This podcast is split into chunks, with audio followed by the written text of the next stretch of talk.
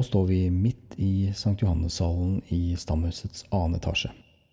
Over oss har vi stjernehimmelen, men rundt oss er det både mørkt og stille. Koronaviruset har ført til at all losjevirksomhet er nedlagt fram til 1. august. Da blir jo spørsmålet hvordan benytter vi tiden best mulig?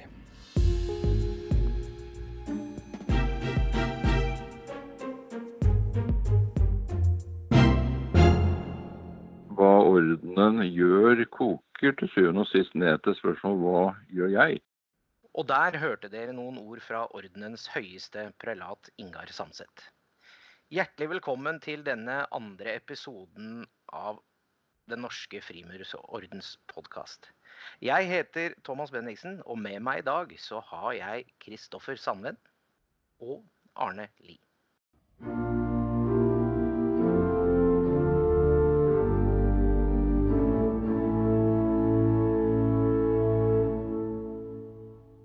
Med oss i dag har vi ordenens høyeste prelat, Ingar Samset. Og det er nok en del av dere som ikke har helt oversikt over hva ordenens høyeste prelat gjør. Vel, han har ansvaret for alle prestene i ordenen, og har også sete i Det høye råd. I tillegg har han en del funksjoner i høygradene. Og Ingar, jeg lurer litt på hva gjør ordenen nå i den situasjonen vi står i med koronaviruset? Det tror jeg vi må svare på to nivåer. Det ene er ordenen liksom sett fra, med ordenens ledelse og strukturen der. Dens oppgave blir vel først og fremst å sende ut informasjon, holde, holde brødrene oppdatert. Og kanskje foreslå litt litteratur og sånne ting som man kan ha. Men det viktigste tenker jeg det er at ordenen det er oss. Det er hver og en av oss. Og hva ordenen gjør, koker til syvende og sist ned til spørsmål hva gjør jeg? Og det, det syns jeg er det interessante oppi dette, for vi kan gjøre veldig mye. Det jeg tenker først og fremst er at uh, vi kan vise at broderkjeden har styrke. Jeg er veldig spent på nå hva brødrene kommer til å si om ordenen når denne tiden er over og vi er tilbake til hverdagen igjen. Eh, om de da kommer til å si, se tilbake på denne tiden og si at nå så jeg styrken i, i broderkjeden. Det var noen som husket meg. Vi holdt på fellesskapet eh, og ingen ble glemt. Det er det jeg håper, uh, håper, de kommer til å si. Jeg håper de ikke kommer til å si, uh, det er at, uh, at, det var ingen som tok kontakt med meg. Jeg ble aleine, losjen bare forsvant på en måte ut av livet mitt for denne perioden. Derfor så har vi en utfordring der hver enkelt. Det er å medvirke til å vise styrken i det det fellesskapet vi har. Stå sammen, holde kontakt med hverandre og vise at vi bryr oss om hverandre. Konkret, uh, Ingar. Hva tenker du på at uh, vi skal gjøre i praksis? Sånn overfor hverandre så tenker jeg at uh, det viktigste vi kan gjøre, det er å bruke telefonen ta kontakt med hverandre. Og ikke vent, ikke tenk at uh, nå er det ordføreren, mester og embetsverket som skal holde, holde, kontakten med alle. Uh, men hver og en av oss har noen vi kjenner, noen vi, vi har snakket med før, som vi har kontakt med. Uh, ikke gjør det så vanskelig. Tenk heller på hvem snakket jeg med på taffelet sist og gangen, gangen før der. Kanskje jeg skulle ta, ta telefonen til han. Og så tror jeg ikke vi skal være redde for å, å bry folk. Altså vi kan ta kontakt og si 'her er jeg, hvordan har du det?' Noen ganger så blir det bare en sånn enkel samtale på det, det nivået. Andre ganger så kan det bli dypere og lengre samtaler. Vi skal være klar over at det er mange som er usikre og redde nå. Noen er redde for sykdommen, andre er redde for økonomien sin, kanskje for firmaet sitt. Og har behov for kanskje å slippe ut litt damp i forbindelse med det. Det er viktig at vi hjelper hverandre i denne fasen til når vi snakker sammen til to ting. Det ene er å sette ord på det vi er redde for. Det er ofte enklere å ha noen å snakke sammen med og kunne si at uh, jeg er redd for å bli syk.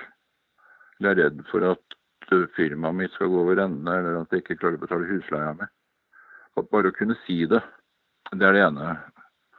Og det andre er at man uh, ikke skal grave seg ned. Altså vi, når vi snakker sammen, så må vi tenke på at vi skal oppmuntre hverandre. Vi skal ikke dra hverandre ned. Så det kan være nyttig å gjøre noe så enkelt som å snakke om ting man har gjort sammen før. Husker du det møtet der? Eller om ting man eh, skal gjøre. Jeg gleder meg til høsten. Kanskje det, det møtet som ble avlyst nå på våren, blir holdt i oktober-november. Det hadde vært fint, det. ikke sant? Så kan man på den måten, måten få luftet ut litt og snakket litt om hva man er redd for, og litt om hva man har lyst til. Hva man syns er fint. Så jeg er ganske overbevist om at hvis man gjør det, så kommer ordenen som helhet styrket ut av dette, og den enkelte kommer styrket ut av det. Én ting er hva vi ja. gjør eh, overfor eh, våre brødre, men hva med alle andre medmennesker som eh, vandrer rundt på jorden sammen med oss? I bunn og grunn det samme. Men jeg tenker at vi må ha, ha, et perspektiv på at jeg kan ikke gjøre alt for alle, så jeg må gjøre noe for noen. Da må jeg velge ut liksom, de jeg føler spesielt at jeg kan gjøre noe for. Der vi kan gjøre noe utenfor kretsen, det er jo, det er jo la velgjørenhetsvirksomheten gå sin gang. Det er veldig enkelt å sende inn på en bankgiro eller, eller VIPS det man ellers hadde gitt på et møte. Kanskje man også kan sende litt mer, for nå har man ikke utgifter til taffel. Så kan man jo la en del av det, det gå til understøttelsesvirksomheten. Og det, der er det er oppgitt nummer man kan, kan sende inn på, så kommer dette også andre til gode. Vi ser jo allerede nå Engar, eksempler på at brødrene møtes og, og tar kontakt med hverandre. og Det er gledelig. Mm. Jeg har fått lov å være med på noen eh, sånne videosamtaler. og Senest på fredag var det en losje som samlet eh, nesten 50 brødre på video. og, og hadde ja, uformell prat og var rett og slett bare for å se hverandre, støtte hverandre. og Det var ingen frimurisk diskusjon, men det var faktisk etter hvert når det, som kvelden skred fram, for dette varte jo flere timer, så ble det en hard kjerne som satt igjen til slutt. Og da ble det en del betraktninger rundt, eh, rundt livet og, og perspektiver på denne situasjonen og hvordan vi kan bruke det vi har lært osv. Så, videre. så det var veldig interessant. Men det, det, tyder på allerede at eh, brødrene slår ring over hverandre. Dette er veldig fint. Og jeg ser jo også på, på nett, jeg følger noen uh, utenlandske nettsider uh, hvor jeg ser at dette med en skål om aftenen fordi man ikke er sammen med. Det, det har blitt en sånn internasjonal greie nå. Uh, sånn at uh, vi kan tenke oss at det går nå en brodekjede av skåler verden rundt. Ettersom, uh, ettersom klokka er, er, halv ti eller ti rundt omkring i verden. Og det, det er veldig artig å se hvordan denne, denne situasjonen åpner for et større perspektiv enn egen losje.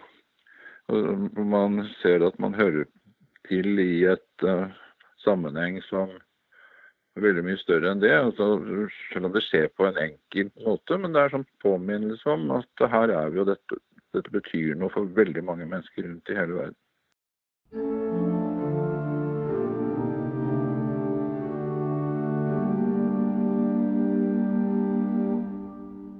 Mange spør nå hvor er den Trefold store byggmester midt oppi det her? Det er eh, lett å tenke at den Trefold store byggmester burde gripe inn og stoppe viruset. Det fungerer ikke slik. Eh, den Trefold store byggmester er nærværende i verden i hver og en av oss. Slik at uh, oppfordringen må gå til hver enkelt om å gjøre hans nærvær synlig gjennom, gjennom måten vi behandler hverandre på. Og det gjør vi hver gang vi, vi, tar en liten hyggelig samtale, hver gang vi strekker ut en hånd, hver gang vi gjør en liten tjeneste. Kort sagt hver gang vi, vi viser omtanke.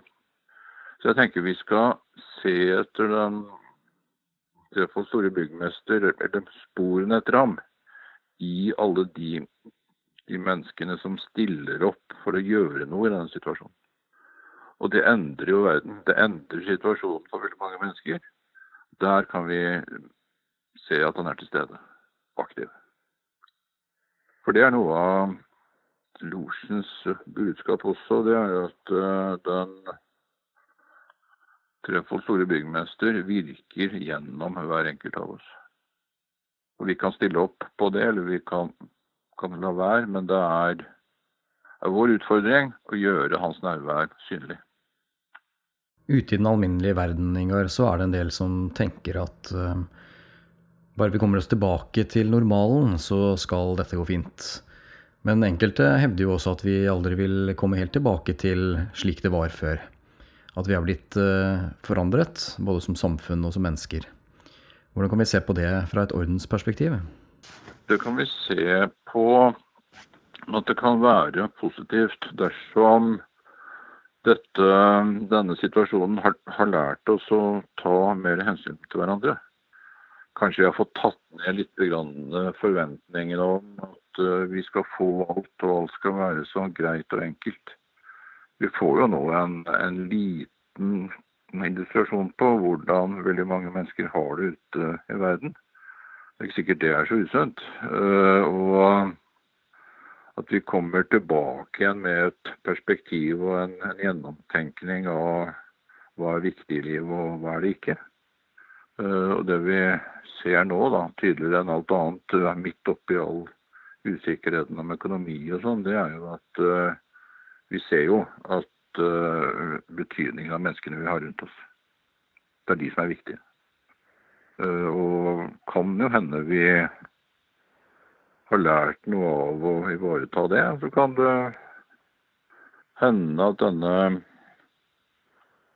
perioden nå hvor vi ikke kan, kan reise til Syden akkurat når vi vil, eller liksom gjøre alt vi har lyst til og ønsker, å gjøre, kanskje det er med å ta ned, ta ned forbruket vårt litt på sikt.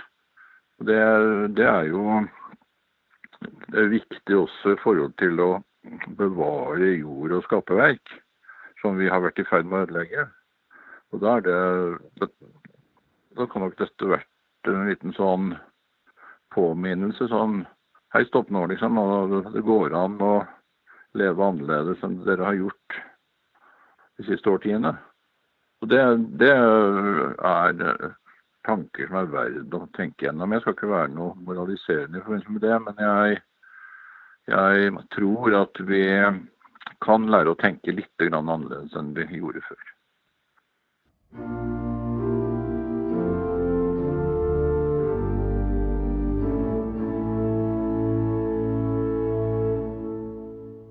Arne, det er mange som lurer på hva som skjer med forpasninger. Jeg bl.a. har jo fått kallelse til neste grad. Det er jo nå selvfølgelig både satt på vent og, og forskyvet. Men hvordan vil det her fungere for brødrene som nå skulle hatt en ny grad? Jeg tror det enkle svaret på det er at de som eh, står på vent nå for nye grader, vil jo selvfølgelig stå foran i køen når vi kommer i gang igjen. Men når vi kommer i gang, det er jo det store spørsmålet.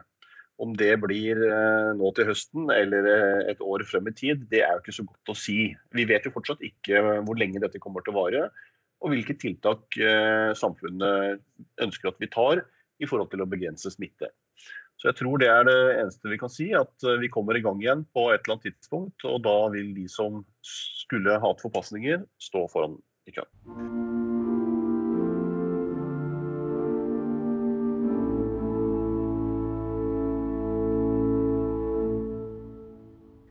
Ja, nå har vel de fleste fått Frimurerblad i postkassa, og det gir oss litt sårt tiltrengt lesestoff. Men eh, har vi noen flere kilder nå, som losjen er stengt? Ja, Frimurubladet det inneholder jo masse spennende stoff. Og vi har eh, på nett også. Så der går det an å bla seg tilbake og se på gamle nummer eh, helt tilbake til 50-, 60-, 70-, 80-tallet. Det finner man via frimurere.no. Ellers har vi laget en nettside hvor det er eh, samlet en del lesetips for frimurere. og Der er det linker til forskjellige nettsteder. Det er boktips, det er videoer osv. Eh, når vi snakker om bøker, så har jo ordenen noen bøker som det går an å bestille. Bl.a. Under stjernehimmelen, som viser 50 frimurerbygg i Norge. Og Andersons Constitutions, som er en faksimileutgave av den fra 1700-tallet. I tillegg til det så har vi Forskningslosjens årbok Acta Mosonica, den går det an å bestille eh, eldre utgaver av. Så kan man jo melde seg inn i Forskningslosjen i tillegg, da, så får man tilsendt hvert år.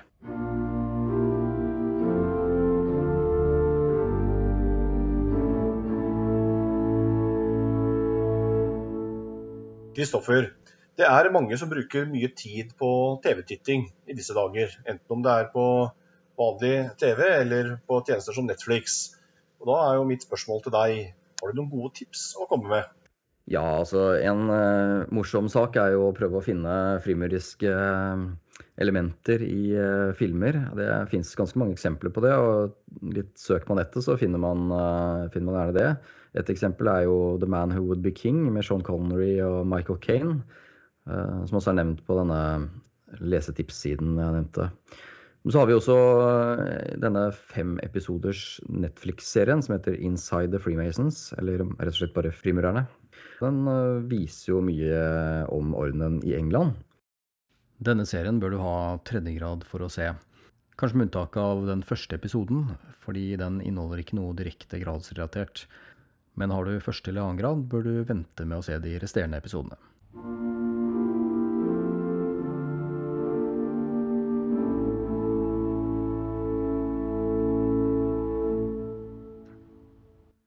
Og med det var denne episode to nesten ferdig. Har du forslag til temaer, en spennende broder vi burde prate med, eller en historie som burde deles? Ja, da sender du oss en e-post. Og den sender du til podkast alfakrøll dnfo.no. Podkast alfakrøll dnfo.no. Alt av relevant info og nyheter som kommer fra ordenen fremover, det finner dere på en samleside på frimurer.no. I neste episode skal vi snakke om bl.a. fadderoppgaver og fadderens rolle. Vi kommer også med ti tips til å hjelpe deg som er ny broder med å komme i gang. Med andre ord så blir det en innholdsrik podkast neste gang. Tusen takk for følget, og så høres vi ved neste anledning. Står vi jo her under stjernehimmelen. Det er mørkt, så vi ser opp på de små lyse feltene oppe på, på himmelen. Uh, og stjernene er jo, er, er jo, viktige symboler for oss. Og jeg tenker at uh, det en stjerne er, ved siden av mye annet, så er symbolsk et hull i mørket. Som gjør at vi kan se lys. Selv i et stort mørke så kan vi se det lille lyset der oppe, og det står der med håp og glede. Uh, og da tenker jeg at uh, tanken på stjernehimmelen nå kan utfordre oss til å være med og lage hull i mørket for menneskene vi har rundt oss. Det gjør vi hver gang vi tar kontakt med noen som sitter i ensomhet. Det gjør vi hver gang vi gir litt håp til noen som kanskje er i ferd med å gi litt opp. Og det gjør vi hver gang vi viser allmenn omtanke for mennesker rundt oss. Tenk på stjernene som hull i mørket.